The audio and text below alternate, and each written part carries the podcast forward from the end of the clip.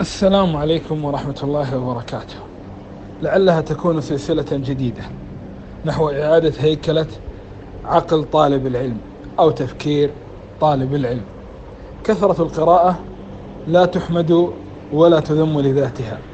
من الملاحظ لمن يتابع صفحات طلبة العلم في مواقع التواصل الاجتماعي أنهم يكثر فيهم مدح كثرة القراءة بشكل مطلق.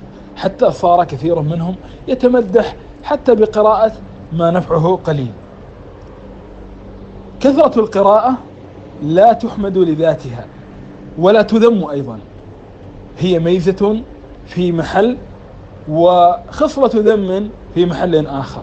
لكن من أين جاءت مسألة مدح كثرة القراءة؟ جاءت من مشكلة مزمنة نعاني منها ألا وهي تحول الوسائل إلى مقاصد. فكثير من طلبة العلم مبدأ طلبه للعلم أنه يريد الوصول إلى الله.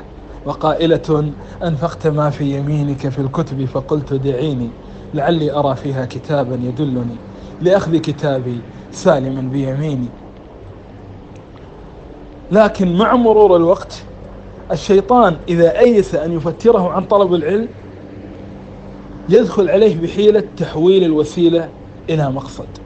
يعني يجعل العلم بحد ذاته لذة مقصودة لذاتها منسي وينسيه أنه كان يريد الوصول إلى الله. هؤلاء تجد فيهم أنهم صاروا يشبهون الكفار محبة المعرفة. لذات المعرفة. أهم شيء معرفة الحقيقة بغض النظر هذا شيء يوصلنا الجنة يوصلنا للنار. معرفة نافعة ليست معرفة نافعة. ما له علاقة أهم شيء نعرف. وهذا من أثر الثقافة الحديثة. مدح المعرفة لمجرد المعرفة مع أنه هذا أمر متناقض جدا.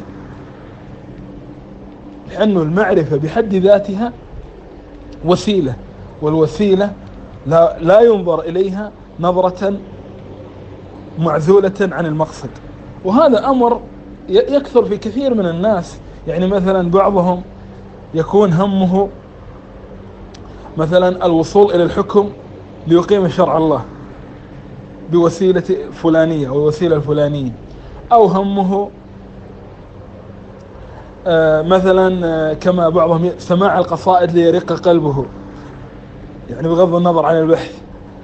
أو همه آه، إسقاط تيار معين لأن هذا التيار ضد الشريعة. أو يعين أعداء الشريعة. فما يلبث به الوقت إلا أن تتحول الوسيلة إلى مقصد. فيصير المهم الوصول إلى الحكم ولو تنازل عن الشريعة أو ولو حرف الشريعة. تحت مسمى تحت أي مسميات.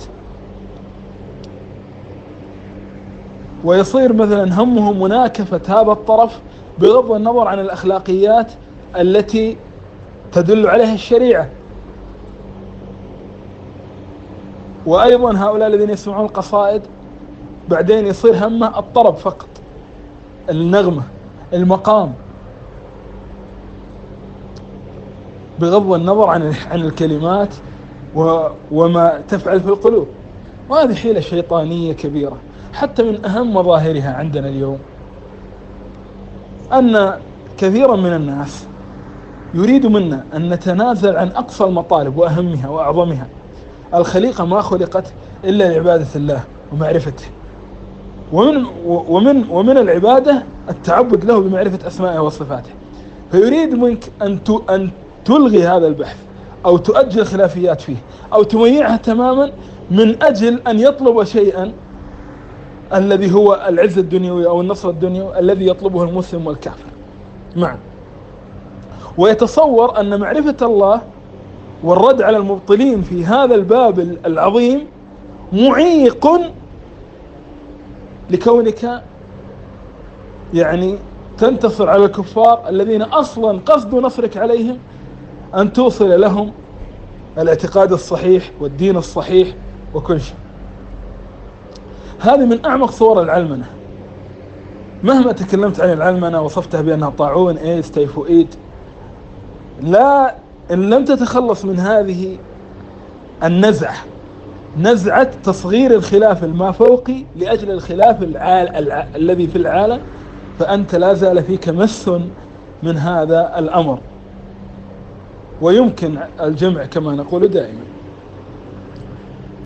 ولكن لا يؤجل ولا يصغر الخلاف في أسماء الله وصفاته. فما خلقت الخليقة إلا لمعرفة الله. فما قال عنه السلف أنه تجهم وإعدام لله وكفر و... هذا ينكر في كل محل. هذا من أخبث الأمور. هذا يفعل بالقلوب أعظم من فعل الغثاة في الأبدان.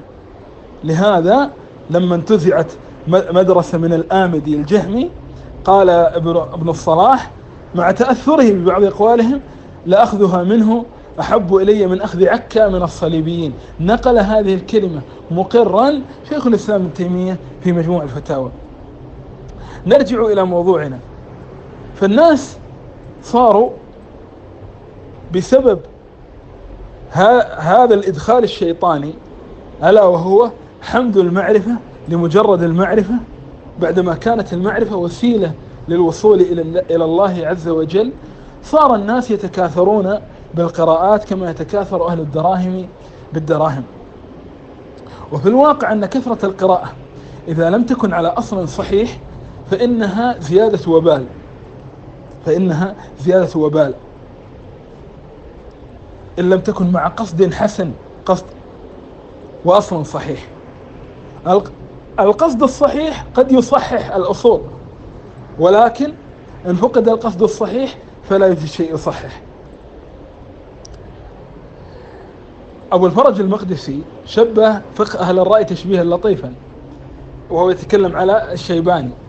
قال آه، فقههم كأصل بني على على كبيت بني على أصل مغصوب. يعني أخذ أرض مغصوبة وبنى عليها بيت من حر ماله لكن إذا جاء إذا استرد الأصل المغصوب سيهدم هذا البيت. يقول هكذا البناء على الأصل الفاسد. تصور عندك أصل فاسد جالس تبني عليه تبني عليه تبني عليه. كل ما بنيت عليه أكثر كل ما كانت حسرتك إذا إذا هدم أكبر. كل ما كانت حسرتك إذا هدم أكبر. لأنك لم تنتبه إلى تصحيح الأصل. طيب ما معنى تصحيح الأصل؟ تصحيح الأصل أن تكون الأصول الأصل القوي يشهد الأصل الضعيف الأصل القوي يشهد الأصل الذي أقل منه. لا أنك ترجع إلى أصل فاسد. ما معنى هذا؟ معناه الآن أنت عرفت الغائية من خلقك. وعلمت أنه لا بد لهذا الكون من خالق مسألة فطرية وعلمت أن الله عز وجل يتركنا سدى وأننا هنا لغاية. ثم أسلمت انشرح صدرك لم ينشرح صدرك للتثليث ولا للوثنية ولا للثانوية. وإنما انشرح صدرك للإسلام. فآمنت بالقرآن. القرآن يشهد للسنة. وأنزلنا إليه. وما أتاكم الرسول فخذوه وما نهاكم عنه فانتهوا إلى آخر النصوص. وبطبيعة الحال أنت ستفسر القرآن. طيب الآن وستشرح شرحك طيب هل يعقل أن أنت تشرح والنبي ما شرح؟ ولو شرحا أصليا يعصم يعصم من الضلال في المسائل الكبرى؟ لا يعقل. فالقرآن يشهد للسنة. تبدأ هنا تتعلم السنة. القرآن والسنة شهدا لسلف الأمة شهدا للأمة بالخيرية في قرونها الأولى. ثلة من الأولين. لما ذكر السابقون قال وقليل من الآخرين. طيب. فشهد فأنت الآن تعنى بهؤلاء. حتى فإذا وجدت مثلا مارسوا شيئا مثل القياس أو غيره اللي شهد تبدأ تعرف أن. أما أن تأتي إلى أصل فاسد مثل آه ثقافات علمانية أذواق غربية. هذه الأذواق لا يمكن أن يشهد لها العقل يستحيل. ولا يشهد لها النص. هل شهد القرآن لأن أن ما عليه هؤلاء هو الذي يريده الله؟ لا. والعقل يشهد إلى أن من يضحك أخيرا يضحك كثيرا. إذا نجاح إنسان وعظمته في دنيا لا يفيد. ولو فرضنا أنها عظمة مطلقة و ونحن نقول أن فيها من نقص ما فيها. شيء العظيم. بل هي عظمة لأنهم هم جعلوها عظمة. طيب. ثم لو قلنا أن هناك فكرا ماديا أن أن أننا حتى النصارى أنفسهم في مشارق الأرض ومغاربها يعتقدون النصارى في الغرب عامتهم لا يعتقد أن التقدم الذي عندهم هم الغرب هو النجاة. بل يعتقد أن بروتستانتي لو عاش في يعني في أدغال أفريقيا هو خير من الأمريكي الملحد الذي في بلاد متقدمة لأنه الخلاص متعلق بالعقيدة التي في قلب هذا الإنسان. وأما الفكر المادي اللي هو الإلحادي الذي يجعلنا في الدنيا فقط فهذا فكر ذاتي النقض لأننا إذا كنا مادة ولا شيء سوى المادة وتحكمنا قوانين فأفكارنا مجرد تفاعلات كيميائية تحكمها القوانين. إذا لا يوثق بها أصلا. أصلا لا يوثق بها. ولا يوجد إنسان قادر على تغيير أفكاره مئة بالمئة. هو يتوهم هذا وإنما نحن مجبورون. فلا داعي لكثرة الكلام والأخذ والعطاء. طيب. ف فبناء عليه ما ينطلق منه كثير من أهل الأهواء في رد السنن أو رد الآثار أو الطعن في في بعض القرآن أو غير ذلك يأتي من عدم التدرج السليم في الأصول. هو مثلا كثير منهم يقول القرآن ويقف. لا بعدين يقول أنا أشرح القرآن ليس الرسول. بعضهم يأتي يقول القرآن والسنة نعم. ثم يقول نقلت القرآن والسنة الذين وثقت بنقلهم اللفظي لا أثق بفهمهم المعنوي. وهذا تناقض. أو ما يجمعون عليه معنويا. مع أن القرآن والسنة زكوهم. أو هناك من يأتي ويتحاكم إلى أصول. هذه الأصول أصالة آه، ثقافة سائدة متغيرة. في كل عصر توجد ثقافة مختلفة. وبناء عليه كل من كان على هذه الأصول الفاسدة كثرة القراءة لا تزيده إلا وبالا.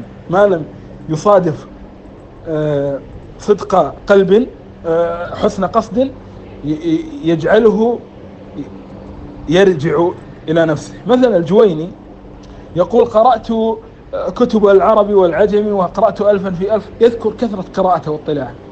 مشهور جدا أن الجويني كان ضعيف جدا في علم الحديث. لدرجة أنه عزى حديث معاذ في القياس إلى الصحيحين وهو ليس في الصحيحين. ونكت عليه وشدد ابن طاهر المقدسي. حتى أن ابن حجر تضايق من كلام ابن طاهر لرحم الأشعرية ولكن قال هو كما قال. لكنه أغلظ في اللفظ ولكن هو كما قال. له كتاب نهاية المطلب كبير لا يكاد يوجد فيه حد يعني الأخطاء الحديثية شيء الله المستعان. فالشاهد أن هذا إنسان لم يرتب المقاصد بشكل جيد. نعم عرف الإسلام عرف كذا ولكن لم يتواضع للنصوص لم يتواضع لأعرف الناس بحديث رسول الله أهل الحديث والصحابة الكرام لم يتواضع وإنما قال نعم الله عز وجل أنزل قرآنا وهناك نبي وهناك ناس أعرف من هذا أعرف مني بهذا النبي ومع ذلك لا. أنا سأستقل بعقلي وسأفهم بشكل مستقل. أنت لو كنت تستقل بعقلك في كل شيء في الدقائق والتفاصيل ما عاد نزل عليك وحي من الأساس وما عاد اختلفنا من الأول. الله المستعان. فهذه هذا أهم آه، الإشكالات. لهذا مثلا تجد أحمد مثلا كما في طبقات الحنابلة رضوان الله عليه أبو عبد الله يقول يقول عجبت لأهل الحديث تكون في المسألة عن الحسن وابن سيرين ويذهبون لأهل الرأي يسألونهم. طبعا هذا الرجل اللي بعدين الناس تنتسب له زورا. يعني آه، يقولون لا لا يجوز أن نأخذ بفتاوى الحسن وابن سيرين ويجوز أن نأخذ بفتاوى أهل الرأي وإن كانت شاذة الله المستعان. لأنه مذهب معتبر وهؤلاء فتاويهم لم تحفظ. طيب تخيل أحمد يقول هذا الكلام وهؤلاء لا عند الله سيلتقون. وسيقول لهم ماذا فعلتم باسمي؟ عموما طيب هنا هناك محل استغراب. من ناحية أن الحسن بن سيرين كان في البصرة. عندهم من الحديث ما عندهم ولكن بعد ذلك في في زمن أحمد جمعت الكتب.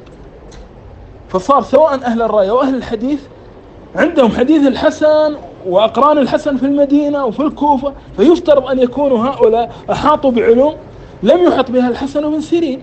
هذا الذي يفترض.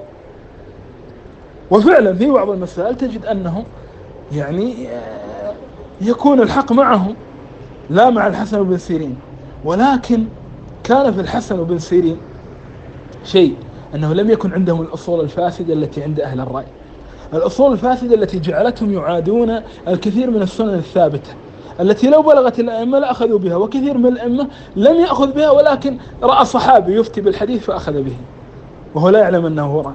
أحيانا يتواضع يرى تابعي. الزهري ما كان يعرف دليل على آه، الزهري ما كان يعرف دليل على أن المرأة لا تقضي الصلاة إذا حاضت. قال ولكني وجدت الناس على هذا.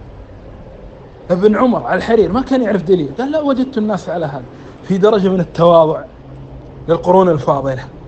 هؤلاء ما كان عندهم هذا التواضع.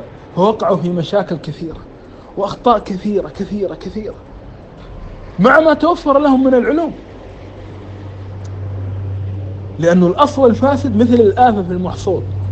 اليوم حتى تجد اليوم كثير من الناس زمن الإنترنت و ترى أخطاء عجيبة. وصل الناس الناس يدعى أنهم موسوعيون إلى الوقوع في كفرية واثنين وثلاثة وأربعة إلى إنكار إجماعات قطعية. من أين جاء هذا؟ جاء من الأصول الفاسدة. جاء من الأصول الفاسدة. ما جاء من الاطلاع من عدمه. علما أن اليوم كثرت المؤلفات كثرة مشوشة. المؤلفات كثرت كثرة مشوشة. بحيث أنه الإنسان لا يستطيع أن يحيط بها كلها ولا يعرف أن ينتقي ما هو الأفضل. لماذا؟ لأنه ما عنده أصول.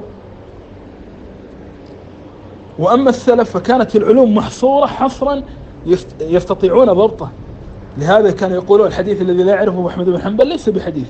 الحديث الذي لا يعرفه يحيى بن معين ليس بحديث. لأن هؤلاء ضبطوا لأن كان العلم مضبوط محصور. أخذوه جمعوه ضبطوه.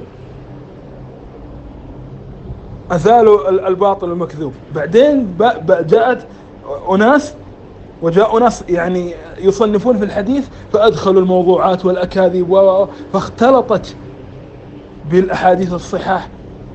حتى أنه أخو ابن تيمية وهو يناظر أحد الأشاعرة في زمنهم فقال له أنا لو أتيتك بحديث من صحيح البخاري وسيرة عنتر ما عاد فرقت. وهذا الكلام لا يعني لا تظنه سخرية هذا واقع. اقرأ كتب المذهبية مالت المتأخرين حاشية كذا وحاشية كذا وحاشية كذا. كثير منهم يترك الأحاديث الصحيحة في الباب أو لا أو, أو ممكن لا يعرفها أو أو حتى إذا ذكر ويذكر بواطيل أحاديث مكذوبة بلا نقاش ويفرع عليها. طيب. فهنا فاليوم عندنا الكثرة المحيرة وعندنا سوء القصد ضعف التدين. هذا باب كان السلف يعملون عليه بشكل كبير جدا. أما نحن لا معرفة جامدة. معرفة فلاسفة مثل الغربيين مع أنه العلم توفيق. أنت يعني هناك آية القرآن الكل يقرأه. وتجد هذا يفتح الله عز وجل عليه معان فيه وهذا لا يفتح له فيه. فكثير من الآيات تحفظها وتسمع عالما يستنبط منها شيئا في مسألة أصلية فتصيب فتصيبك حيرة وذهول. من أنه كيف جاء بها؟ توفيق نور يقذفه الله في القلب. يقول بربهاري ليس العلم بكثرة الرواية لكن إذا صحت الأصول وكثرة الكتب لكن إذا صحت الأصول وتعوهد القلب وحسن القصد وصار هناك تأصيل جيد منهجي واحترام للكبار هنا بعد ذلك سعة الاطلاع سعة القراءة نافعة جدا بشرط الورع. هناك ثقات في الحديث. عصمهم الله بالورع يقول لك مالك بن أنس كان إذا شك في حرف تركه حرف شك هو حفظه بشكل جيد أو لا يتركه. الحسن بن صالح الذي كان يرى السيف يعني. قرأت كلمة للإمام رضوان الله عليه أبو عبد الله أحمد بن حنبل يقول صائل لنفسه بالورع.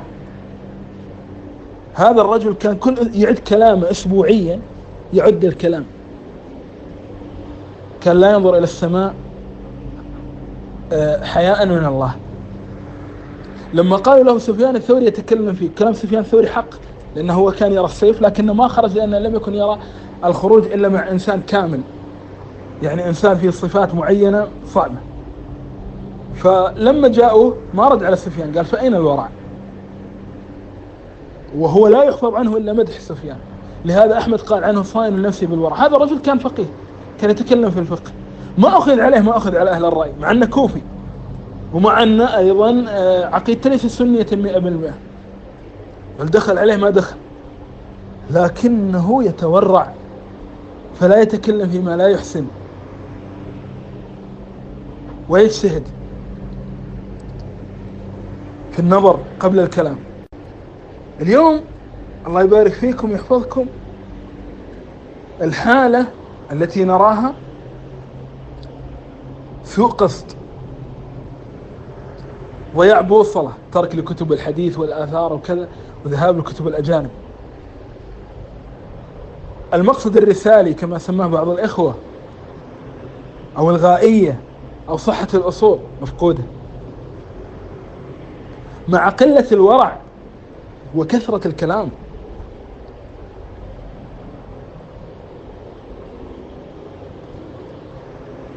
نعم قد تتكلم اجتهادا وتخطئ لا مشكلة.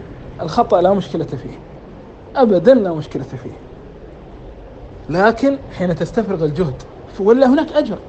إذا اجتهد الحاكم فأخطأ فله أجر يعني إن كان أهلا. طيب. وفي حديث من تطبب آه، وليس بطبيب فهو ضامن. معنى يعني معناها إذا كان طبيب وعالج إنسان وأخطأ خطأ آه، يعني ممكن يقع من مثله يسامح في هذا. وهذا مم والحديث في صحته كلام ممكن يشهد له حديث اجتهد الحاكم فأخطأ فله أجر.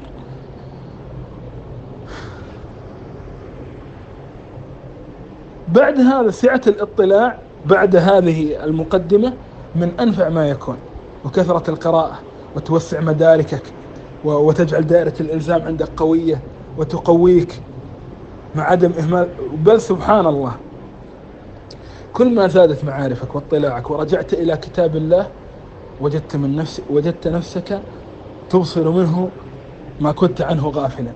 إذ أن القرآن أصل العلوم ولكن الله المستعان. القلوب مغلقة كما يقول مطرف بن عبد الله بن الشخير رحمه الله لا لا نعدل بالقرآن شيئا ولكن نريد من هم أفقه منا بالقرآن. أقول نريد من يعيننا على فهم القرآن.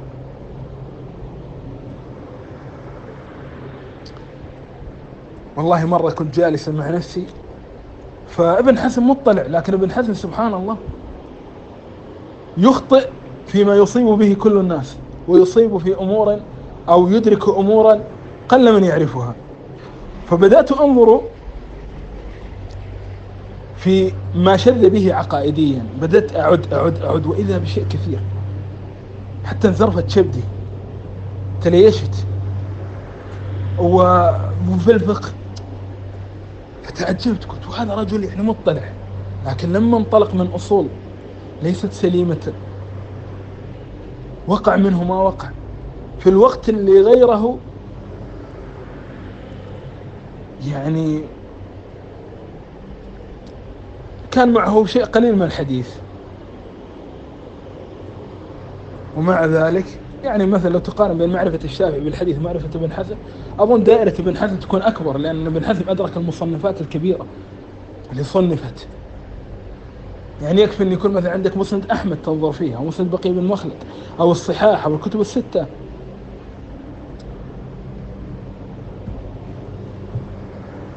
ولكن سبحان الله لهذا الأمر ليس بكثرة. وإلا هؤلاء الصحابة والتابعون. حتى حتى الصحابة بعضهم كان أميا لا يقرأ ولا يكتب وهو في منزلة لا يطمع يعني لا يطمع فيها أحد منا. وهو مرافق للنبي صلى الله عليه وسلم. بعلم قليل أدرك قليل في نظرنا وإلا هو كثير في نفسه. لأنهم يطبقونه ولأنه هذا الذي يراد من العلم. نحن نجلس سنوات نتناظر مع ملاحد السفطائيين وسنوات مع كذا ومع وفي النهاية نصل إلى العقيدة التي كان يعتقدها هؤلاء. هؤلاء خلصوا القصة بسلامة الفطرة وغير ذلك وبدأوا بالعمل. واتسقوا جدا مع علومهم. فكان يعني من أبرك ما يكون لأنهم فهموا الغائية والقصد. أما اليوم فكثير منا يتعلم قليلا يذهب يناظر. فإذا لم يجد يذهب يناظر. فإذا آه، أيس من المناظرات في باب معين مل يذهب يتعلم بابا آخر ليناظر فيه ويجادل. طيب هل يثمر هذا عمل هل يثمر؟ لا. حتى أن بعض من يحقق الكتب الكثيرة يحقق صاحب صنعة ما يصلي ويدخن. ويقولون عندنا تاج المحققين ومش عارف إيش. طيب على أي أساس؟ كيف هذا؟ ما, ما الذي انتفعت به من من كل هذا الذي نظرت فيه؟ هذا تيه. هذا مثل علوم أهل الكتاب. الله عز وجل ما شبه قال كمثل الحمار يحمل أسفارا. حمار يحمل أسفار يوصلها لغيره كتب لكن هو ما يفهم منها شيء. ما يعقل منها شيء. لو عقل لعمل. هذا هو الحال.